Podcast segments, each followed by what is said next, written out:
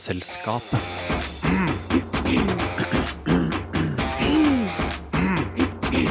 Vitenselskapet. Plast av melk, hjerter av plast, drakter av stål og kjøtt fra laboratorieskåler. I dagens sending av Vitenselskapet skal det handle om fiffige nyvinninger.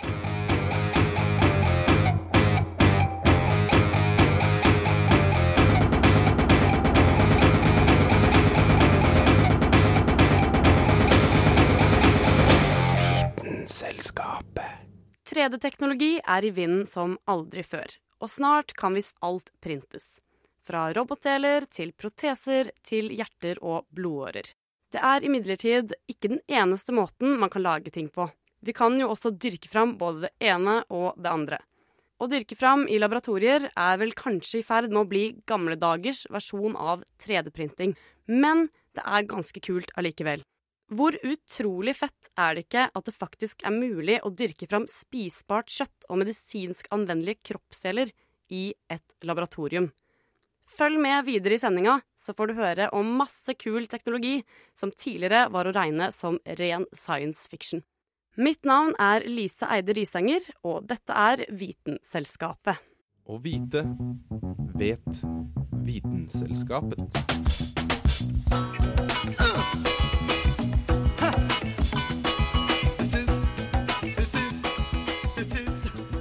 Å jobbe som melkeforsker i det amerikanske landbruksdepartementet høres ikke ut som verdens mest sexy jobb. Men i det siste har en gruppe fra nettopp dette departementet fått stor oppmerksomhet for en ganske snerten oppfinnelse. Kua du hørte her, er kanskje en av USAs nesten ti millioner melkekyr, og er med å produsere melk til landets milkshaker, cornflakesboller og melkeglass. Problemet er bare at melka til Dagros ikke er så populær som den pleide å være.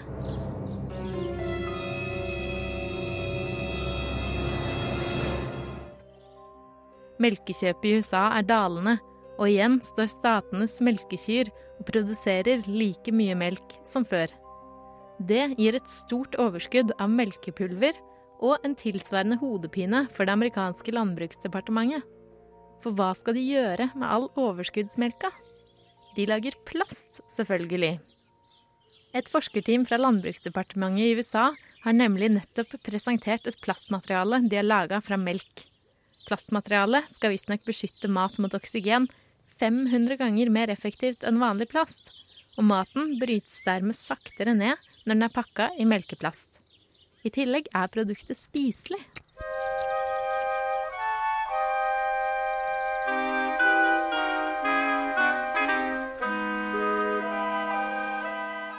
Den magiske ingrediensen i plasten forskerne nå har utvikla, er kasein, et protein som finnes i melk. Forskerne fant imidlertid ut at det som oppsto når de kun blanda vann og kasein, var et veldig sprøtt materiale som ikke tålte vann. Altså ikke helt det ideelle emballasjematerialet. De fant imidlertid ut at om man også tilsatte glyserol til blandinga, så ble materialet mykere, og pektin, et eh, kostfiber fra sitrusfrukter, økte materialets struktur og vannbestandighet. Planen er å fortsette å forbedre produktet ved å eksperimentere med tilsetningsstoffer, f.eks. tilsette smak og vitaminer. Melkeplasten kan fortsatt bare strekkes 20% av egen lengde, opp mot vanlig plast 100% og den er stivere og tettere enn vanlig plast. Men den begynner å ligne på noe man kan emballere f.eks. ost med. Og det er akkurat det forskerne nå er i gang med. I løpet av tre år skal kommersiell produksjon være i gang, og fordi melkeplasten ikke tåler store mengder vann, er målet at plasten kan brukes til å pakke inn mat som allerede ligger i en beholder, f.eks. individuell innpakking av ost, rett i koppen-supper der plasten løser seg opp i kokende vann, osv. Eller man kan spraye plasten rett på mat. Forskerteamet har f.eks. funnet ut at om plasten sprayes direkte på cornflakes, så holder flakene seg sprø, selv i melk. Så om alt går etter planen, vil man kunne eliminere både store deler av verdens plastsøppel og unngå soggy cornflakes. Det kaller jeg to fluer i én smekk. Det har dessverre ikke lyktes Vitenselskapet å få en eh, kommentar fra de melkeproduserende amerikanske Kyra, men trolig er de håpefulle om at melkeplasten kan redde dem fra arbeidsledighet i fremtiden. Hun som snakket om melk av plast, var Hanne Grydeland. There's hydrogen and helium, then lithium, beryllium, boron, carbon everywhere, nitrogen all through the air with oxygen so you can breathe. Du hører på Vitenselskapet på Radio Nova.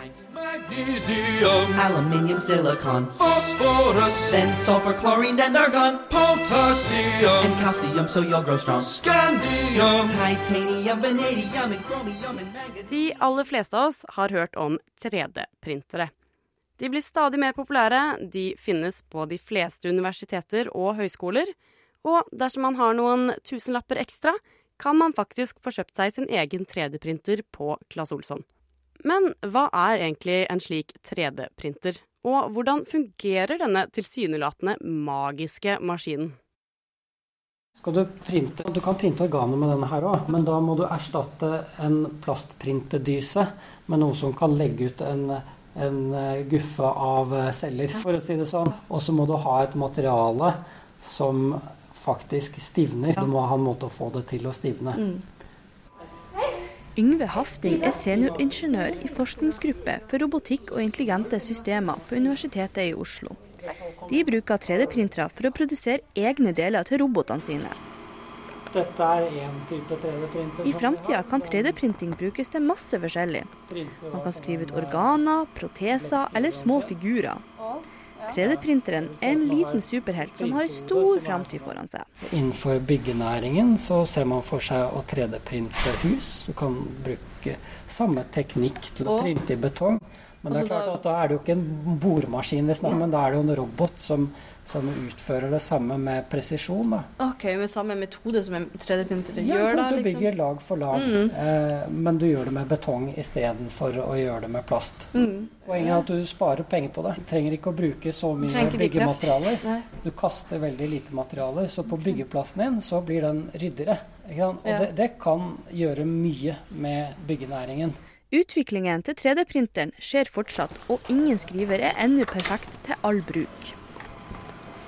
Men alle 3D-printere har sine drawbacks. altså Det er, er alltid noe som er bra, og noe som er dårlig ved en 3D-printer. Du får ikke én 3D-printer som gjør alt i dag. Så har den dyse som altså Den har en plasttråd, den trekker fram og, og, og smelter i dysen sin og legger på en tynn stripe som bygger opp lag på lag.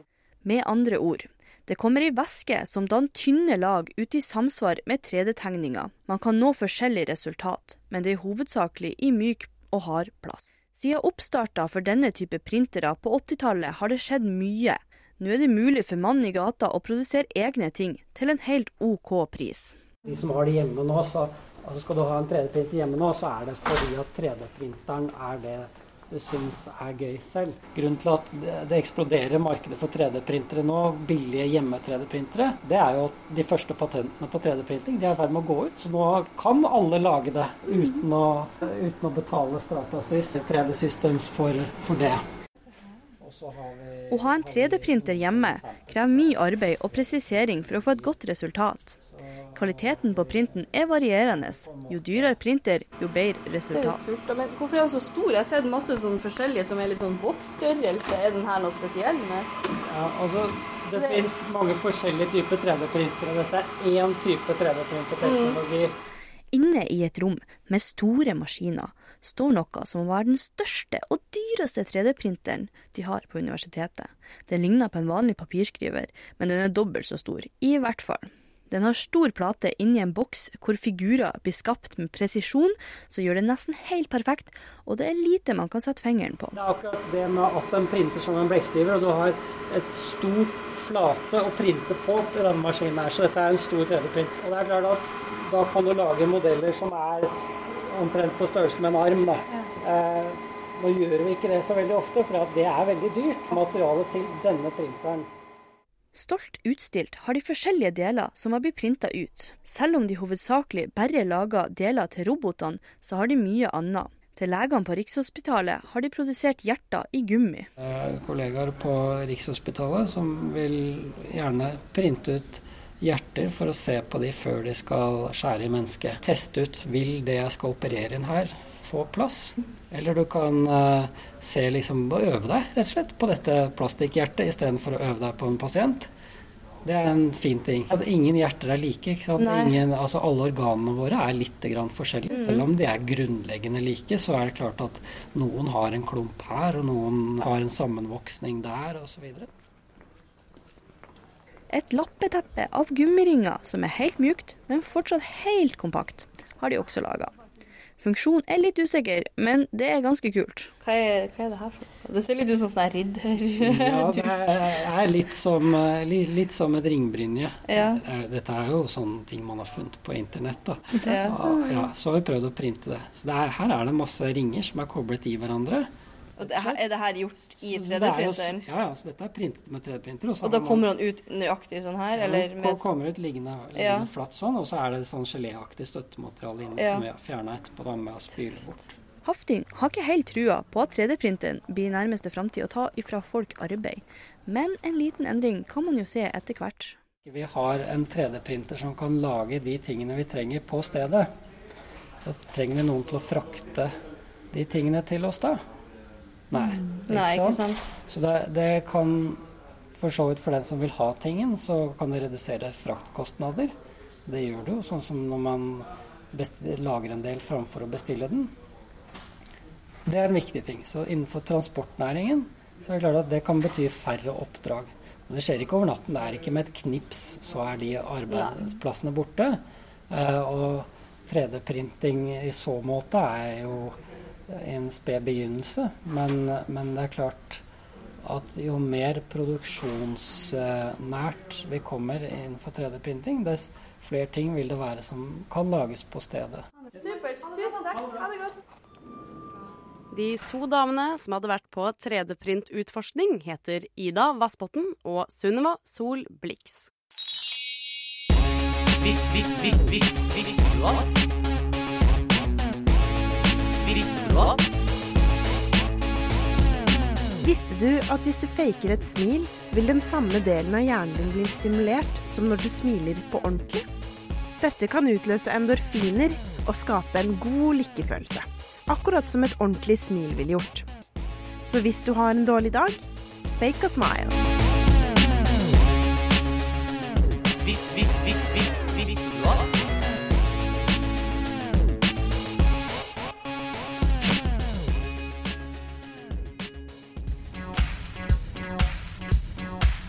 Hæla i taket med Vitenselskapet.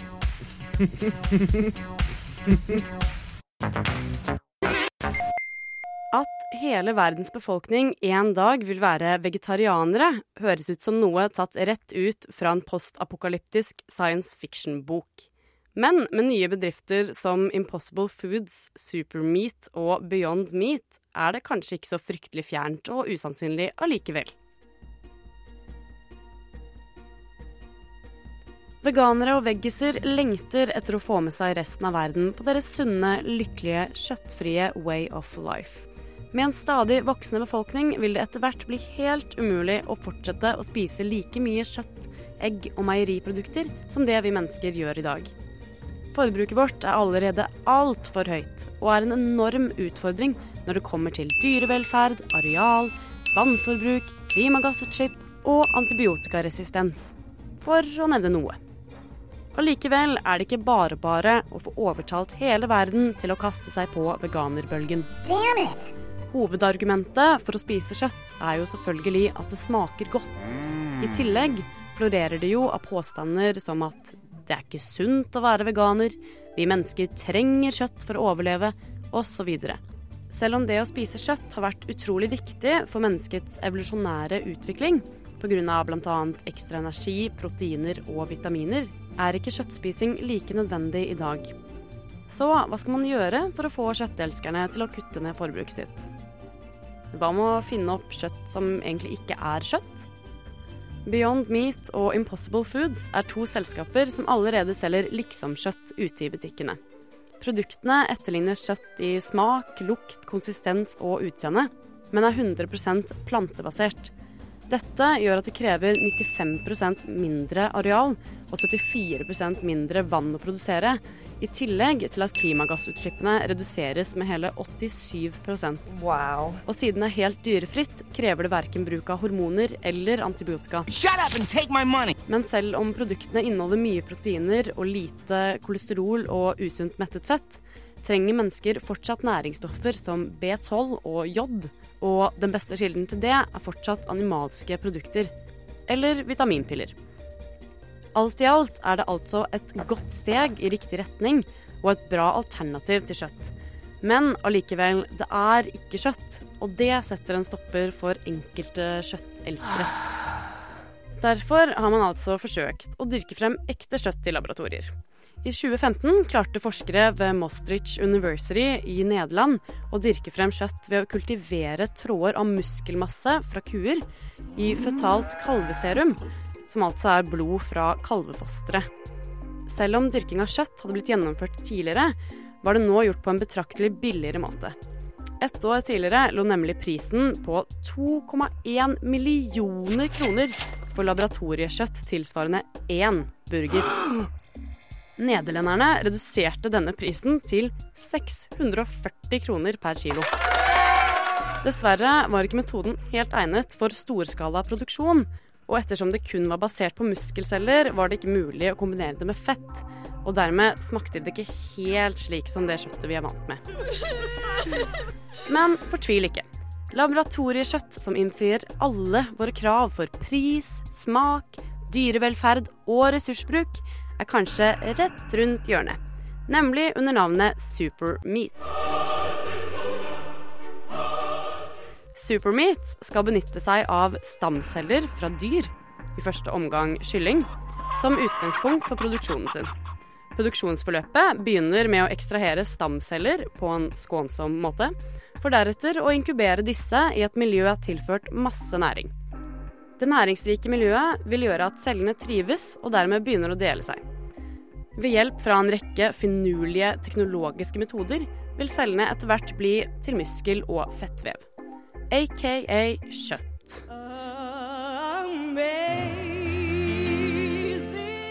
Biologisk sett vil altså være helt identisk med kjøttet vi er vant med. Og man slipper å fortsette å drepe 100 milliarder dyr hvert år, slik som vi mennesker gjør med dagens kjøttproduksjon. Dessverre er Supermeat kun i oppstartsfasen, og har derfor fremdeles til gode å lage sin første kyllingfilet, som ved absolutt tidligst mulig anledning vil bli i 2018.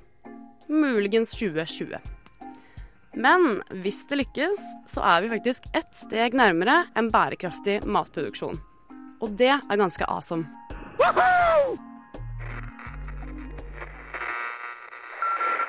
Vi avbryter den ordinære sendingen for å bringe deg Verdens Roms Nytt.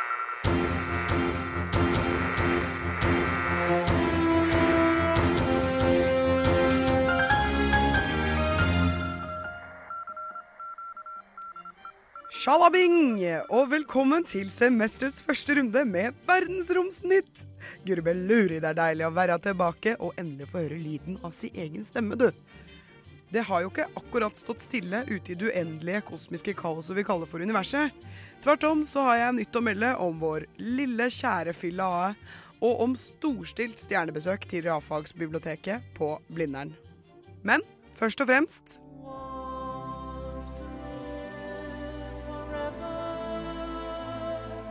Queen-vokalisten Freddie Mercury ville ha fylt 70 år forrige uke, og fikk i den anledning en asteroide oppkalt etter seg. Det er nok bandmakker Brian May som har trukket i noen snorer, for nå er nemlig asteroide 17473 historie, og omdøpt til, ja, Freddie Mercury. For Brian May er jo ikke bare gitaristen til Queen med Muppet-krøller, akkurat. Han er astrofysiker også. Han skrev sin doktorgrad om kosmisk støv ved Imperial College i London. Han har òg en asteroide kalt opp etter seg, og der svever de, Brian og Freddy, sammen i hovedbeltet mellom Mars og Jupiter i irregulære baner rundt sola, forever.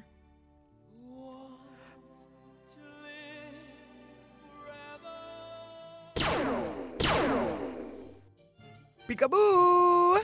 Filae er fader meg funnet. Den lille rakkeren har vært MIA i nesten to år. Det var fartøyet Rosetta som slapp sonden ned på kometen 67P i november 2014, som nå har kommet seg nærme nok hjem til kometen til å ta bilde av skrotnissen der nede i en sprekk.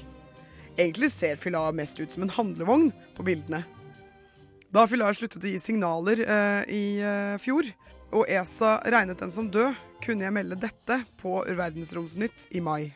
Filae den lille roboten som suksessfullt ble sluppet ned på kometen 67P av ESA, er nå erklært for død. To sekunder stillhet. Sannsynligheten for å gjenopprette kontakten med den lille rakkeren som suser fra oss, er tilnærmet lik null. Dog et lukket kapittel var Filae et eventyr spekket med triumfer. Fra sin grop på kometen avga den signaler i tre dager, men har siden juli i fjor vært stille og nå er den nok dekket av så mye støv og skygge at den aldri vil få sollys nok til å gjenopplade batteriene sine. Rest in permanent hibernation, Philae. Tilbake i nåtid eh, så kan jeg jo melde at Philae fremdeles er eh, god og død, men at de i det minste vet hvor den befinner seg. Rosetta-ferden har derimot en måned igjen og skal ta en nærvisitt til mot kometen for å forske på dens indre sjeleliv, mer eller mindre. OK.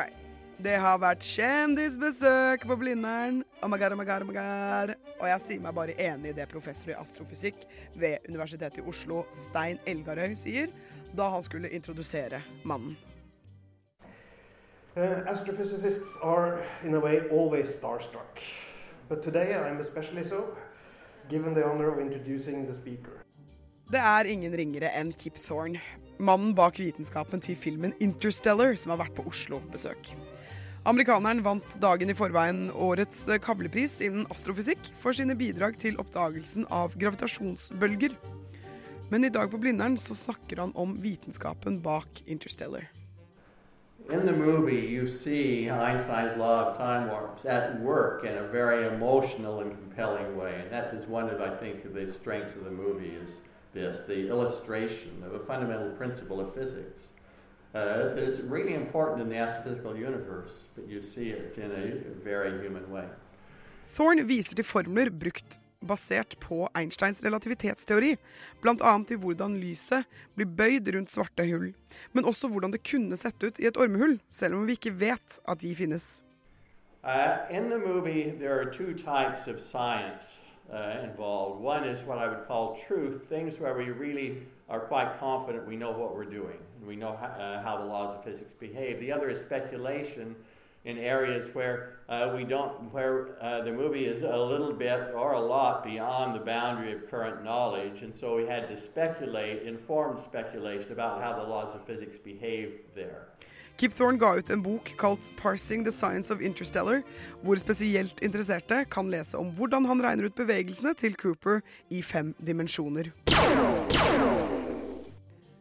Da gjenstår det bare for meg å si fra brunstjerna til månetoppen, Johanne Furuseth, over og ut.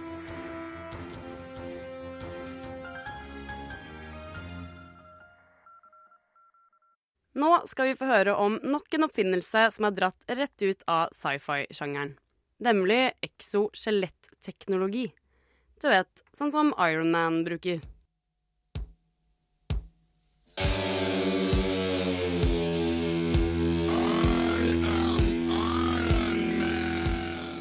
Det er nok ikke bare Ozzy Osbourne som kunne tenkt seg å være Ironman. Å kunne fly, overleve skuddsalver og generelt være en skikkelig badass er nok noe oss alle kunne tenkt oss. Men hva om vi sa til det at dette ikke var så utenkelig? Militærteknologi omhandler som regel skrekkelige ting. Det handler gjerne om å skade mest mulig og demoralisere fienden. Men en litt mindre skrekkelig sak er exoskjeletteknologien. Et exoskjelett er i naturen å ha et hardt skall, et skjelett, utapå kroppen i stedet for innapå. Se for deg i bildet, så har du ideen. Det amerikanske forsvaret har begynt utviklinga på nemlig dette, med vage planer så langt tilbake som 60-tallet. Den gang var det ikke mer enn en futuristisk drøm. I dag, med ny teknologi, er noen prototyper allerede ferdiglagde. Skal en logge denne ambisiøse drakta, trenger en avansert teknologi.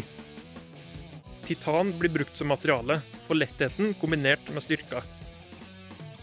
Når du bruker denne drakta, blir all vekt sendt ned i bakken. Datateknologi er da òg en essensiell del.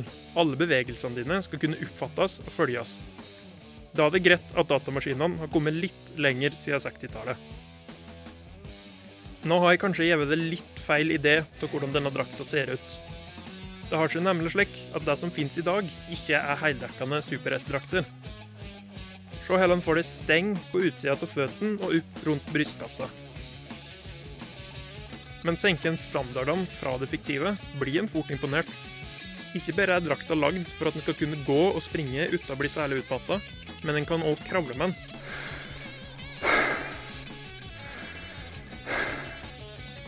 Ikke minst så gjør den tunge løft mye lettere. I stedet for å løfte tungt og bli utmatta, kan den løfte 110 kg føles mer som å løfte 5. Alt dette er særlig ideelt for Forsvaret, og det er jo dem som logger teknologien. Med skjelettet kan den springe og bli utmatta mye tregere. Soldatene blir slik sett mye mer hardføre. Bevegelighet er òg viktig, f.eks. når de skal komme seg i dekke. Derfor skal en lett kunne kravle med drakta på. Å kunne slippe å bære så tungt gjør òg at en holder ut en del lenger. En kan òg ha med seg mye mer. Det er atskillig greier å gå i timevis med det som kjennes ut som en gympose på ryggen, i stedet for en stappfull fjellsekk. Våpen har en jo igjen i Forsvaret, og hjelp til å bære disse, gjerne større gevær, vil videre hjelpe soldatene. Det amerikanske forsvaret har òg satt som mål at en skal kunne bære skadde medsoldater. Du er kanskje litt skuffa over at det ikke er superheltnivå på teknologien. Men det er kanskje håp allikevel.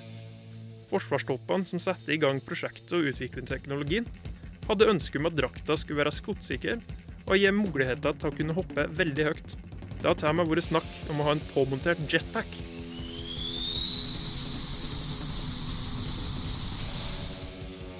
Noe av det som står i veien for at framtidas kampdrakt kommer for dagen, er noe som kanskje kan virke litt banalt. Du er vel kanskje vant til at det er et ork å måtte lade telefonen din hele tida? Tenk deg energien som trengs når du skal helle et heldekkende metallskjelett oppe. Dagens batterier er ikke gode nok til at draktene kan driftes særlig lenge. Prototypene har en batteritid i sekstimersområdet, og dette er med designet vi har i dag.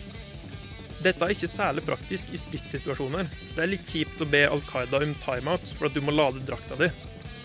Men batteriteknologien er på vei framover, og sjøl om vi ikke ender opp med en mini-atomreaktor som Chotoni Stark, går det stadig framover. Det er nok ikke umulig at vi ender opp med en virkelighetens Ironman. En kan i hvert fall håpe. Dette innslaget var laget av Carl Adams Kvam, som har veldig lyst på, men som ennå ikke har fått seg ny drakt. Visst, visst, visst, visst, visste du visst, visst, du at? Visste du at gravide kvinner har 50% mer blod i kroppen sin innen uke 20 av svangerskapet enn de hadde før de ble gravide? Det er fordi kroppen bygger opp et støttesystem for fosteret som skal gjøre det mulig for babyen å utvikle seg.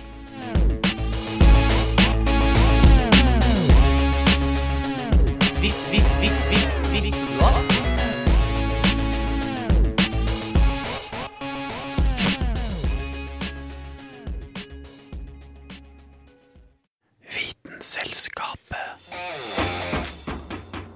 Det var dessverre alt vi rakk i dagens sending av Vitenselskapet. Hvis du bare må ha mer vitenskapelig påfyll, så bør du sjekke ut våre tidligere sendinger på Soundcloud eller i iTunes.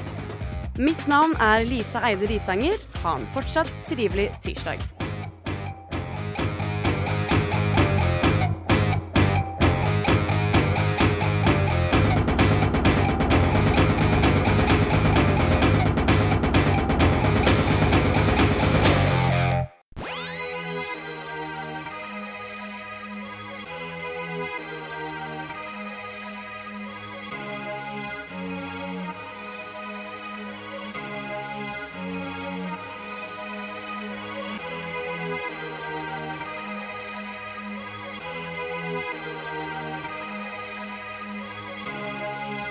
Siden 1982 har Radio Nova gitt deg favorittmusikken din, før du visste at du likte den.